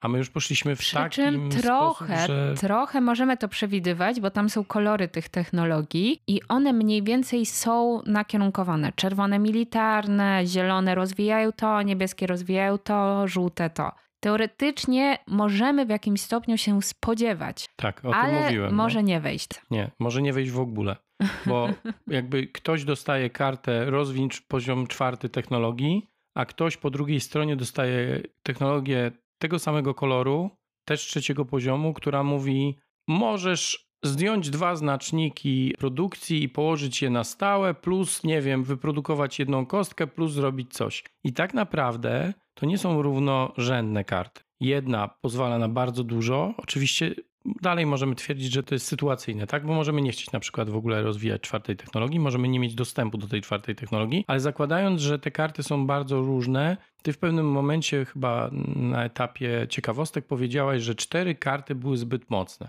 Kurczę, ja tam połowę kart Ja nie jestem odkrywam, pewna, czy zbyt mocne, w którą stronę był zaburzony balans. Coś tam Okej, było z ale balansem. był zaburzony balans. Dla Mhm. mnie ta gra w ogóle, te całe drzewko technologiczne ma mocno zaburzony balans, bo to jak będziemy dobierali losowo czy częściowo świadomie te karty, może nam bardzo mocno ułatwić rozgrywkę albo spowodować, że ten dobór losowy częściowo lub całościowo, bo możemy nie, w zaawansowanym wariancie możemy mieć słabą kartę, Mhm. więc jej nie chcemy w ogóle, bierzemy inną, ona jest jeszcze gorsza, tak, a musimy ją już wybrać, powoduje, że tak naprawdę my się nie rozwiniemy tak jak inny gracz, a teoretycznie startujemy z tego samego pułapu, a później te technologie decydują o tym, że jednak nie. A to nie jest tak łatwo awansować na tych technologiach. Poświęcamy całą turę, żeby to zrobić. Nie możemy każdej tury poświęcać na awans na technologii, więc jeżeli już wybierzemy jakiś kierunek, powiedzmy idziemy na trzech drzewkach do góry, no to już staramy się to robić w miarę sensownie i logicznie, tak żeby później na przykład jeszcze móc zrobić tą technologię czwartego poziomu. Nie jest wcale łatwe rozwijać się wszędzie równomiernie, ale Mhm. ci, którzy to robią,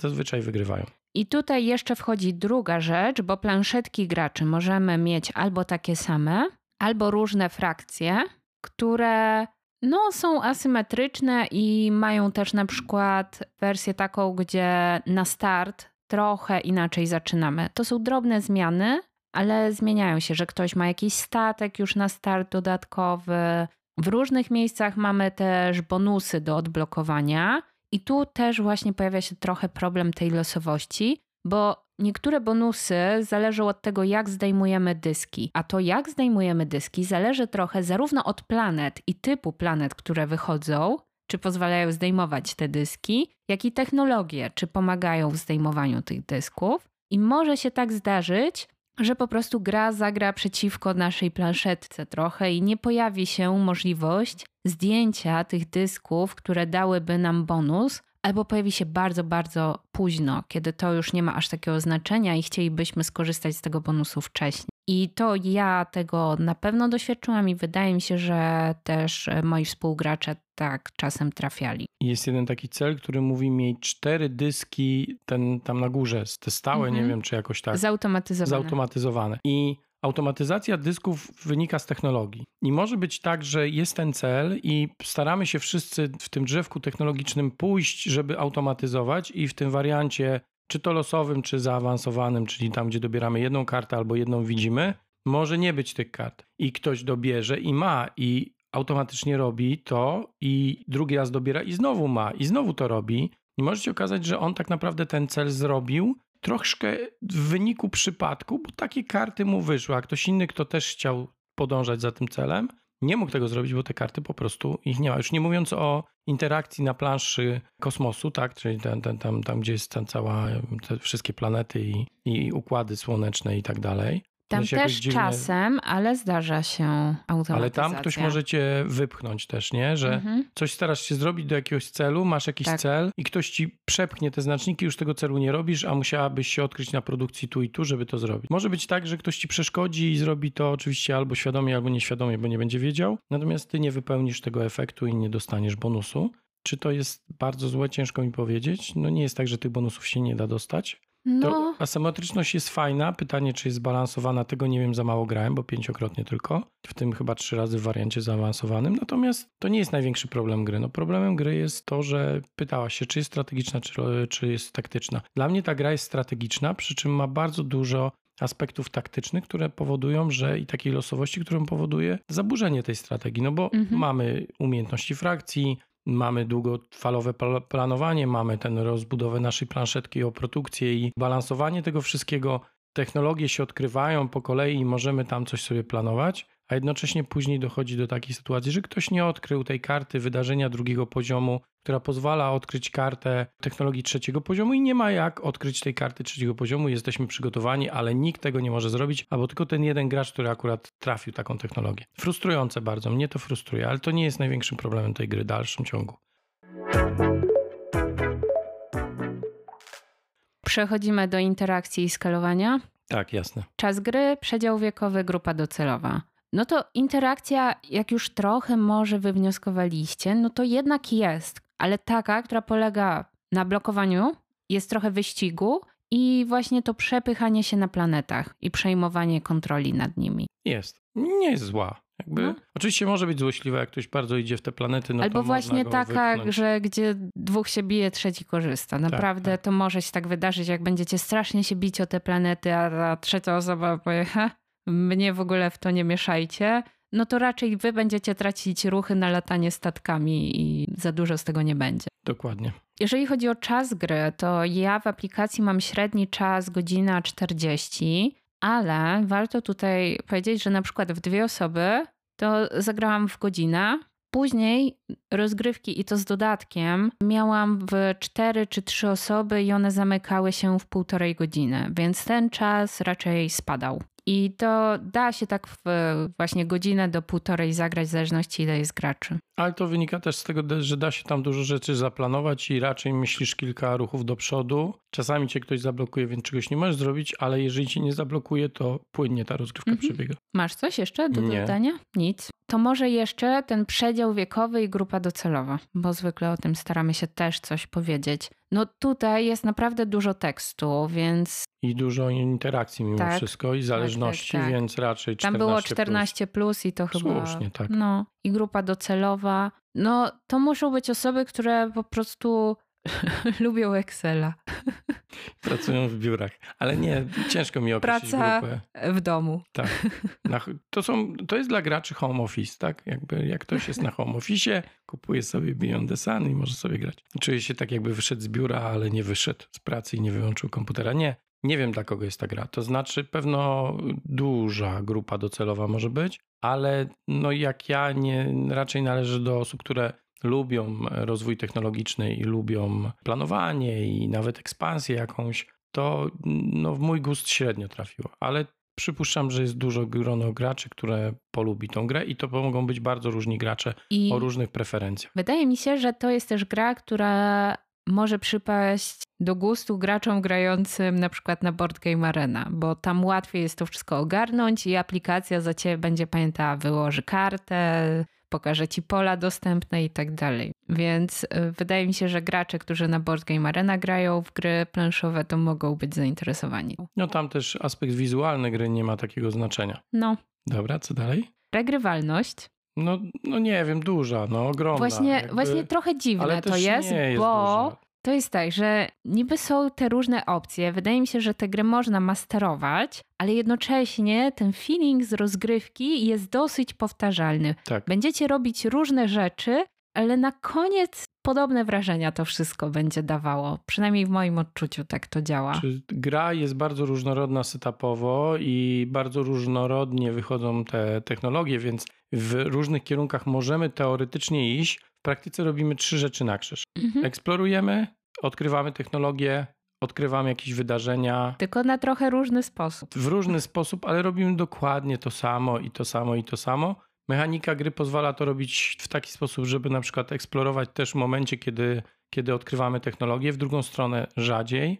Natomiast tak, ja się zgodzę z Asią, ona jest powtarzalna, chociaż jest różnorodna, jeżeli chodzi o elementy i to, w jaki sposób wyjdą te technologie, wydarzenia. To wszystko sprawia takie wrażenie, że jest różna. Poczucie na koniec gry jest takie same. Zrobiłem to samo, podobny sposób w sumie awansowałem, dostałem punkty za te same rzeczy. Nie ma tutaj tak, że jeden idzie w tą stronę innym drzewkiem strategicznym, drugi idzie innym. To raczej są kumulacja punktów, a wygrywa zazwyczaj ten, kto po prostu na technologiach się lepiej rozwinął. I jak rozmawiamy o regrywalności, to wydaje mi się, że to jest też dobry moment, żeby powiedzieć może o dodatku, Okej, bo już tak ku końcowi się mamy, a dodatek wprowadza nowe frakcje, trochę nowych technologii i karty liderów. i to wszystko. No i to się trochę wiąże z tą regrywalnością, no bo dostajemy nowe frakcje, więc mamy więcej do wyboru, trochę nowych technologii, więc znowu bardziej jeszcze to jest różnorodne. No i karty liderów to jest coś zupełnie nowego, bo to są karty, które draftujemy przed rozgrywką. Każdy będzie miał dwóch liderów, no i ci liderzy robią różne rzeczy. Niektórzy dają punkty na koniec gry i na przykład pomagają zautomatyzować już jakiś dysk na start. Niektórzy dają pola akcji, jakieś pasywne umiejętności. No są dosyć zróżnicowani. Co do zasady ułatwiają trochę nam, Bardzo ułatwiają grę. Znaczy e, napędzają rozgrywkę. Jest dużo jeżeli łatwiej. dobrze ich wybierzemy. Bo ostatnio tak źle wybrałam, że na przykład chyba ani razu nie użyłam jednego z liderów. I No okej. wydawało mi się fajny, fajny, a potem aha. Znaczy, jeżeli źle zagramy w grę, to niezależnie jaka to by była gra, to nie wygramy. Nie, po prostu Ale- nie są uniwersalni. O, tak bym to ujęła. Są sytuacyjni No. i może się okazać, że wybraliśmy dobrze, ale później sytuacja na planszy i rozwój technologiczny nie pozwala z nich efektywnie skorzystać. Natomiast co do zasady, jak w tą jedną partię, w którą grałem z nimi, bo grałem tylko raz Mhm. z dodatkiem, więc ja, to jest opinia, to nawet nie jest recenzja dodatku.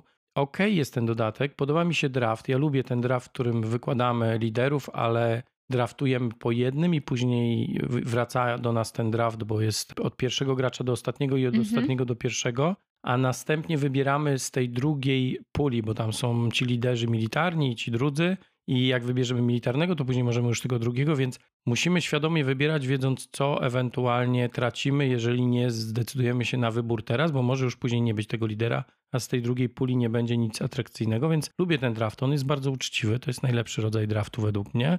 I to jest plus. Sami, sami liderzy, no mega napędzają rozgrywkę. Jeżeli się jeszcze dobrze połączą z naszą umiejętnością frakcji. Albo z celami. Albo są. celami, no to Mhm. już w ogóle pozwalają nam na bardzo dużo. I wynik był dużo wyższy, jeżeli graliśmy z liderami, niż jak graliśmy bez nich. Chociaż ja grałem i Asia grała z tą nową frakcją z dodatku i wydaje mi się, że one też są za mocne dla zaawansowanych graczy. One po prostu pozwalają na zbyt dużo. Przypominam, że ja na przykład grałam w tą naszą rozgrywkę planszetką, gdzie miałam przewidzieć, kto, nie kto, tylko czy więcej dysków będzie na osiągnięciu takim, czy na takim.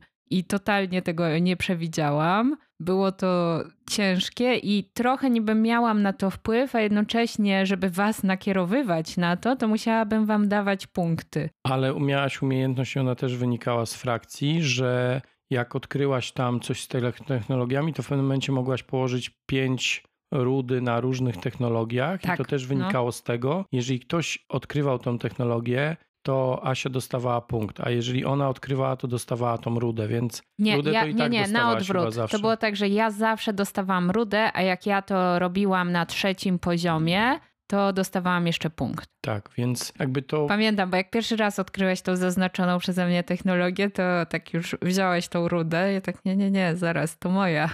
To więc Proszę. y, ta, ta umiejętność była bardzo mocna. No to, że nie udało ci się tamtego skąpić, to myślę, że nie jest łatwo to zrobić. I, I dlatego nie jest łatwo i tam są dodatkowe punkty, ale trzeba mocno pokombinować. Przy czym wydaje mi się, że te technologie były mocniejsze niż te zaawansowane z podstawki. Jakby moja w ogóle pozwalała na taką ekspansję na tej planszy kosmosu, że ja tam miałem w pewnym momencie chyba 12 kostek z e, statków. Już mogłem wykładać kolejne, tylko nie miałem skąd. Mhm. I kontrolowałem to w każdą stronę finalnie. Nie dało mi to zwycięstwa, tam różnica była chyba trzech punktów, ale dalej, pomimo tak zmasterowanej strategii, nie boję się tego użyć, tego słowa, zmasterowanej strategii na ekspansję i zdobycia sześciu planet i kontrolowania praktycznie wszystkich układów na koniec gry, ja i tak przegrałem z tą technologicznie i to spowodowało, że przegrałem w ogóle. I to jest coś, co mnie w tej grze bardzo boli, tak? Jakby... Ale jednocześnie to jest gra o drzewku technologicznym, więc trzeba iść na drzewku technologicznym. Tak, a resztę się robi przy okazji trochę. I właśnie ja też widzę po sobie, że jak za bardzo się skupiam, żeby robić cokolwiek innego niż technologię, to zazwyczaj potem tego żałuję. Dokładnie tak. Czyli idziemy w technologię, wszyscy idą w technologię. I jak To latać pierwszy ten- statkami, to przy okazji, a nie Jak odkryjesz latać. technologię? Mhm. Dokładnie tak. I to jest właśnie clue tej gry. I to jest problematyczne dla tej gry. Oczywiście dodatek w żaden sposób jej nie szkodzi. Jest na kilku poziomach fajny, natomiast nie jest też odkrywczy w żaden sposób. To jest jakby coś takiego, co nie wiem, w Teotihuacanie jest e, też z dodatkiem, czy było w Solkinie. No po prostu umiejętności graczy jakieś dodatkowe, jakieś tam stałe umiejki. No i dwie frakcje nowe. Mhm. Fajnie, że są, tak? No bo to jest jakaś Tak, jest różnorodność. spoko. To co, przechodzimy do mocnych stron gry Beyond the Sun. Okej, zaczniesz? No to mi podoba się worker placement, który się rozwija w trakcie gry. Są jakieś podstawowe akcje na start, no i w zależności jak będziemy się rozwijać na technologiach, pojawiają się nowe możliwości. Mi się to podoba. Mhm. Coś jeszcze? Różnorodność technologii. Nie wiem jak to z czasem, no bo tam zagrałam 7 razy, ale dla mnie to było ciekawe, bo naprawdę jest sporo tych technologii i robią przeróżne rzeczy. Oczywiście w dosyć zamkniętej puli możliwości, ale dla mnie to jest ciekawe, że jednak są tak różnorodne. No i podoba mi się to, że są te asymetryczne planszetki, bo te planszetki sprawiają, że masz trochę inny, taki własny, prywatny cel na każdą grę. Dążysz trochę do czegoś innego i skupiasz się w jakimś stopniu na tym.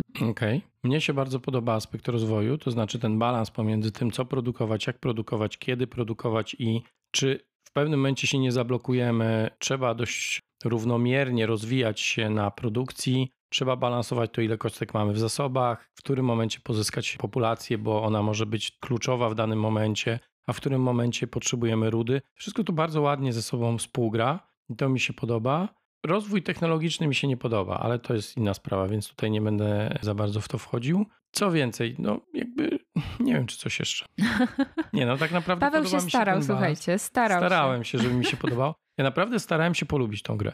I to pięć razy w nią zagrałem, w tym cztery razy Zasią i ja się jest świadkiem, że starałem się ją polubić i mi się to nie udało. Natomiast jakby doceniam cały konstrukt mechaniczny i uważam, że tam jest dużo dobra, tylko są pewne aspekty gry, które mi przeszkadzają na tyle, że one trochę przysłaniają te plusy, które wynikają z zasad i z mechaniki, ale cały ten balans mi się podoba, tak? To jest wszystko fajnie. No jakby grupując to w jedno, to, to jest dobrze pomyślana gra. No dobrze, to słabe strony. Ja już mówiłem o słabych stronach, ale jest w jedna mocnych strona. stronach też o słabych od Nie, razu. o słabych stronach mówiłem już wcześniej. Tam losowość i to, że jest gra strategiczna, ale mamy niewielkie czasami możliwości do tego, żeby zaplanować to, co chcemy rzeczywiście zrobić w tym kluczowym momencie. Natomiast najsłabszą stroną tej gry to jest nuda. Jakby ja w każdej rozgrywce się strasznie nudzę, ale tak nuda jest tak odczuwalna, że jakby nie wiem, jak wam ją tutaj zobrazować słowami, ale ona siedzi obok mnie na krześle i opiera się o mnie i tak przytula się głową i mówi długo jeszcze i ja jej mówię nie wiem, bo to się nie chce skończyć na przykład. Mam takie poczucie, że co bym nie zrobił w tej grze i tak na końcu wychodzi tak samo i tak powinien się rozwijać technologicznie, ale przede wszystkim nudzi mnie ta gra. Naprawdę nie czuję satysfakcji z tego, że położę kolejną kostkę przy kolejnej technologii i zrobię to po raz 50 w tej grze. Jak tego nie zrobię, to zasadniczo mogę nic nie robić, bo jakbyśmy nie rozwijali się na technologiach, to nas nie ma w grze, bo nic nie zrobimy, więc musimy się rozwijać. Oczywiście ktoś powie, no ale o tym jest gra. Ja wiem, ale jest przeraźliwie nudna i oprawa wizualna wcale nie dodaje jej nie jest w stanie wzbudzić we mnie większych emocji. No po prostu -hmm. mam wrażenie, jakbym siedział przy komputerze i siedział na Excelu i sobie coś tam dopisywał do kolejnych tabelek. A tutaj plus dwa do ruchu na przykład. A tutaj o, to sobie zrobię teraz kolonizację, plus dwa ludziki muszę wydać. No i no nudzę się. No, mniej się nudzę w pracy niż przy Beyond the Sun. Bo masz fajną pracę. Nie, od cholery się nudzę w pracy zazwyczaj. Szef nie słucha. Nie wiem, niech słucha. Niech daje lepsze projekty, ciekawsze. A ty? U mnie jakość wykonania i oprawa graficzna, bo ta gra nie jest tania i chciałabym czegoś więcej, jeżeli chodzi o wykonanie. Do tego nie podoba mi się do końca, chociaż rozumiem, że taka uroda tej gry, ale nie podoba mi się, że jest tak dużo czytania i rzeczy z tym związanych do ogarniania, bo jeżeli tego nie będziesz robić, to po prostu nie masz szansy dobrze zagrać w tę grę, musisz to wszystko kontrolować i czytać. I to może na przykład też prowadzić do downtime'u, bo ktoś musi przeczytać wszystko po kolei, zastanowić się i przeanalizować. Jak siedzi A, po drugiej stronie stołu, no, to ma utrudniony kontakt z I czyta kartami. karty, które są na planszy, czyta karty, które są na tej wystawce technologii, czyta planety, swoją planszetkę. I tu jeszcze właśnie jakieś dodatkowe karty powykładaliśmy, tu wsunęliśmy i trzeba to wszystko ogarniać, więc to jest takie niby fajne, ale nie do końca. No i ta losowość wydarzeń i możliwości badania technologii trzeciego i czwartego poziomu. Wydaje mi się, że jakoś inaczej to powinno być rozwiązane. Ale bardzo prosto. Odblokowujesz trzecie wydarzenie drugiego poziomu i odblokowuje się możliwość odkrywania technologii trzeciego poziomu. To nie powinno być oparte na tym, czy ktoś będzie miał szczęście, czy nie. To jest podstawowa mechanika gry. Jakby ona no. definiuje, ile punktów zdobędziemy na koniec gry i to, że się rozwinęliśmy, a później nie możemy tego zrobić, jest no jak kop w krocze dla mnie. No po prostu halo. Mogę wszystko zaplanować, zaplanowałem, jestem tam. Sorry, nie odkryliśmy tej karty. Okej. Okay. To co, przechodzimy do ocen? Tak. Dobra. No to wykonanie i estetyka. Jak oceniłaś? Powiedz. Ja dałam dwójeczkę, czyli jest słabo. Ja dam 1,5. To znaczy podobają mi się kości, znaczniki, reszta do kosza i jeszcze raz drukujemy. Mechaniki. Ale bierzemy w to pod uwagę też tą całą losowość, ten cały ten koncept związany z rozwojem. No nie wiem, 3 na 5. Ja dałam czwóreczkę. Uważam, że same mechaniki mi się podobają i jest całkiem dobrze, jeżeli o to chodzi, ale przyjemność z grania ja dałam 3, czyli jest poprawnie. Dla mnie to jest 2 na 5. No. Nie jeden, bo ta gra jest dobra, w sensie takim mechanicznym jest w niej coś i jest przemyślana, ale ja się nudzę i mam poczucie, że nie wszystko zależy ode mnie. No to powiedz, czy chcesz mieć ją na półce? Otóż nie chcę i nie mam. A co sądzisz o dodatku? Warto, nie warto? A ile on kosztuje? No, chyba ze 160. Jeszcze sprawdzę. Szczerze, to jak za taką cenę, to ja bym kupował na razie bez dodatku Szczególnie, że to Rebel wydał, więc pewno dodatku nie zabraknie i wydał tego dość dużo. Kiedy gra się już ogra e, podstawka na tyle dobrze, że będziemy mieli poczucie, że musimy mieć dodatek, no to wtedy bym inwestował ewentualnie pieniądze w dodatek, o ile dalej gracze będą chcieli grać. Jeżeli natomiast od razu miałbym kupować jedno i drugie, to uważam, że bez sensu. Troszkę przestrzeliłam, bo faktycznie da się kupić za 160, ale takie najniższe oferty widzę za mniej więcej 135 za dodatek, a podstawka 288 mi się wyświetla. To szczerze mówiąc, ja bym podstawki nigdy nie kupił. A co dopiero dodatku? No właśnie ta gra. Znaczy ona... Dlatego ja powiedziałam, że za tą cenę naprawdę bym się spodziewała czegoś więcej.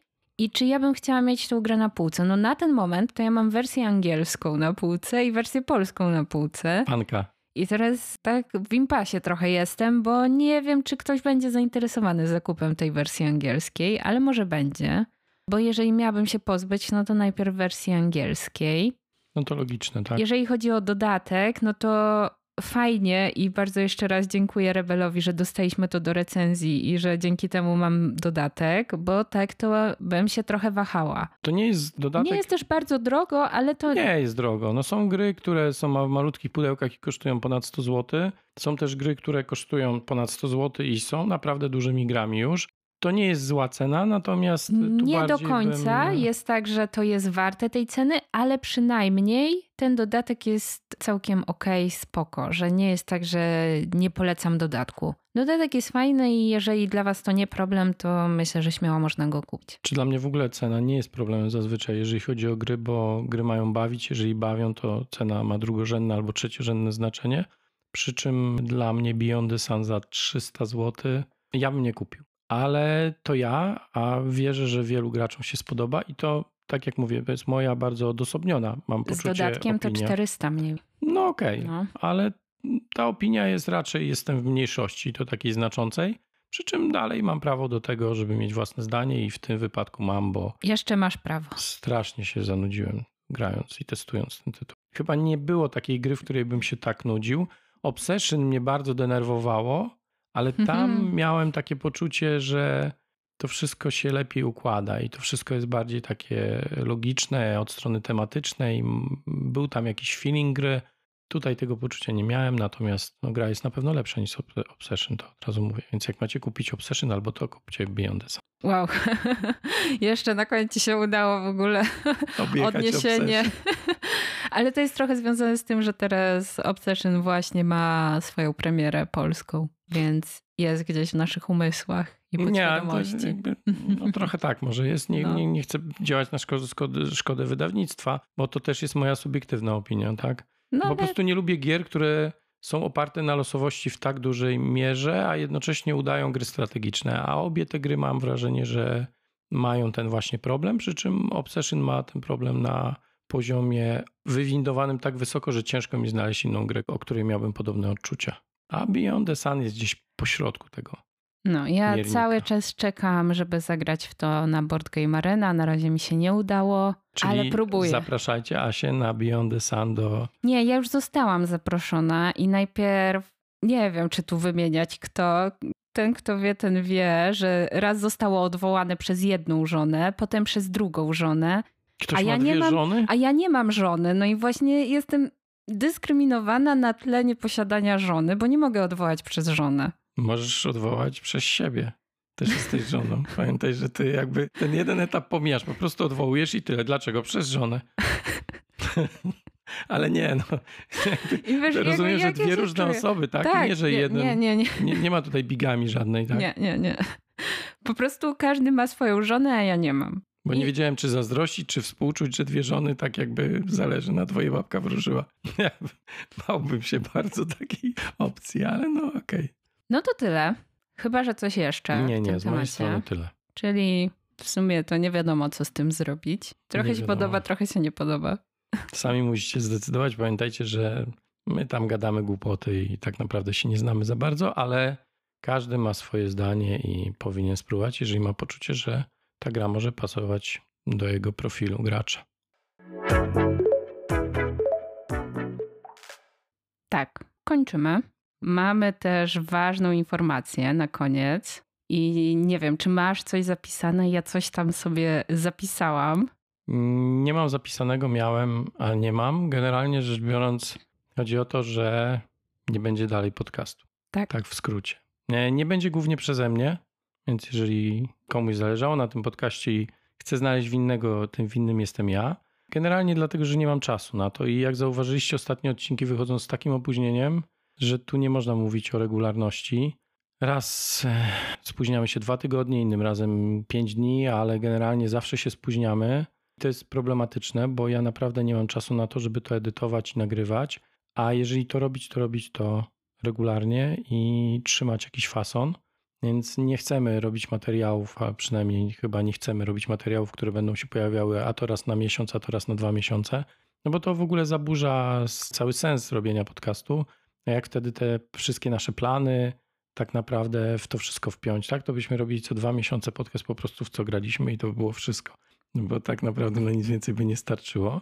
Więc tak, to jest moja wina i ja tutaj zdecydowałem, że to no po prostu tego nie pociągnę. Dziękuję wszystkim, którzy z nami byli, którzy nas słuchali, którym się to podobało, ale to nie zamyka w żaden sposób Asi możliwości, żeby w jakiejkolwiek formie ten podcast kontynuować i to zależy tylko od niej i to jakby jest sprawa otwarta bardzo. Tak, no bo to tak jeszcze nie wszystko mamy tu ustalone.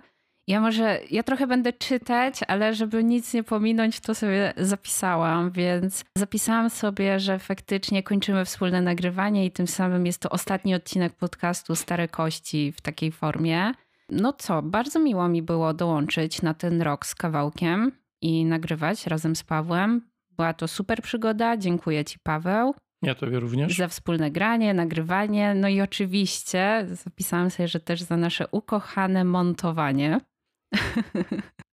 Bo to też robiliśmy razem i, i to zawsze była największa męka i to najlepiej zapamiętam z całego prowadzenia podcastu. Znaczy, nauczyliśmy się tego, tak? Tylko... Tak, tak. Więc bardzo Ci dziękuję. Dziękuję też właśnie naszym słuchaczom i wszystkim komentującym. Ja raczej już nie będę się wypowiadać jako stare kości i no jakby strona na Facebooku i tak dalej, to wszystko jest u Pawła i, i tak zawsze było i tak będzie. Więc jeżeli chcielibyście zachować ze mną kontakt, to ja sobie założyłam profil na Facebooku Joanna zwana Kocioł. Nie spodziewajcie się tam żadnego rozległego kontentu. Spodziewam się, że będą tam głównie fotki i mój entuzjazm w dziwnych tematach. Zakupu e... regału. tak, na przykład. Krok po kroku, jak kupić regał jak, kupi... jak uświadomić mężowi, że potrzebuje kupić regał? 16 memów. W najbliższym czasie, no to wybieram się na Allegramę. Nie wiem, kiedy ten odcinek wychodzi i czy po, czy przed. Być może zajrzę też na Wawa gra na Stadionie Narodowym, ale to jest pod znakiem zapytania. Obecnie jestem podcasterką bez podcastu. O, tak sobie to zapisałam. Nie wiem, jak to się dalej potoczy, ale wierzę, że nie skłamię mówiąc do usłyszenia. No, to dziękujemy Wam bardzo. Dziękujemy za wspólnie spędzony czas. Dzięki Asia za nagrywanie i mam nadzieję, że do usłyszenia, jeżeli chodzi o Ciebie. Do usłyszenia. Może zacznę słuchać jakiegoś podcastu wreszcie. Tak. Aha. Naszego link. nie słuchałeś. Wyślesz link, ale to na, na, nie będę musiał tam tego edytować, wiesz o co chodzi. Będzie Chyba, że będę traumy. musiał. Ej. Dobrze. No. Jeszcze raz do usłyszenia. Do usłyszenia.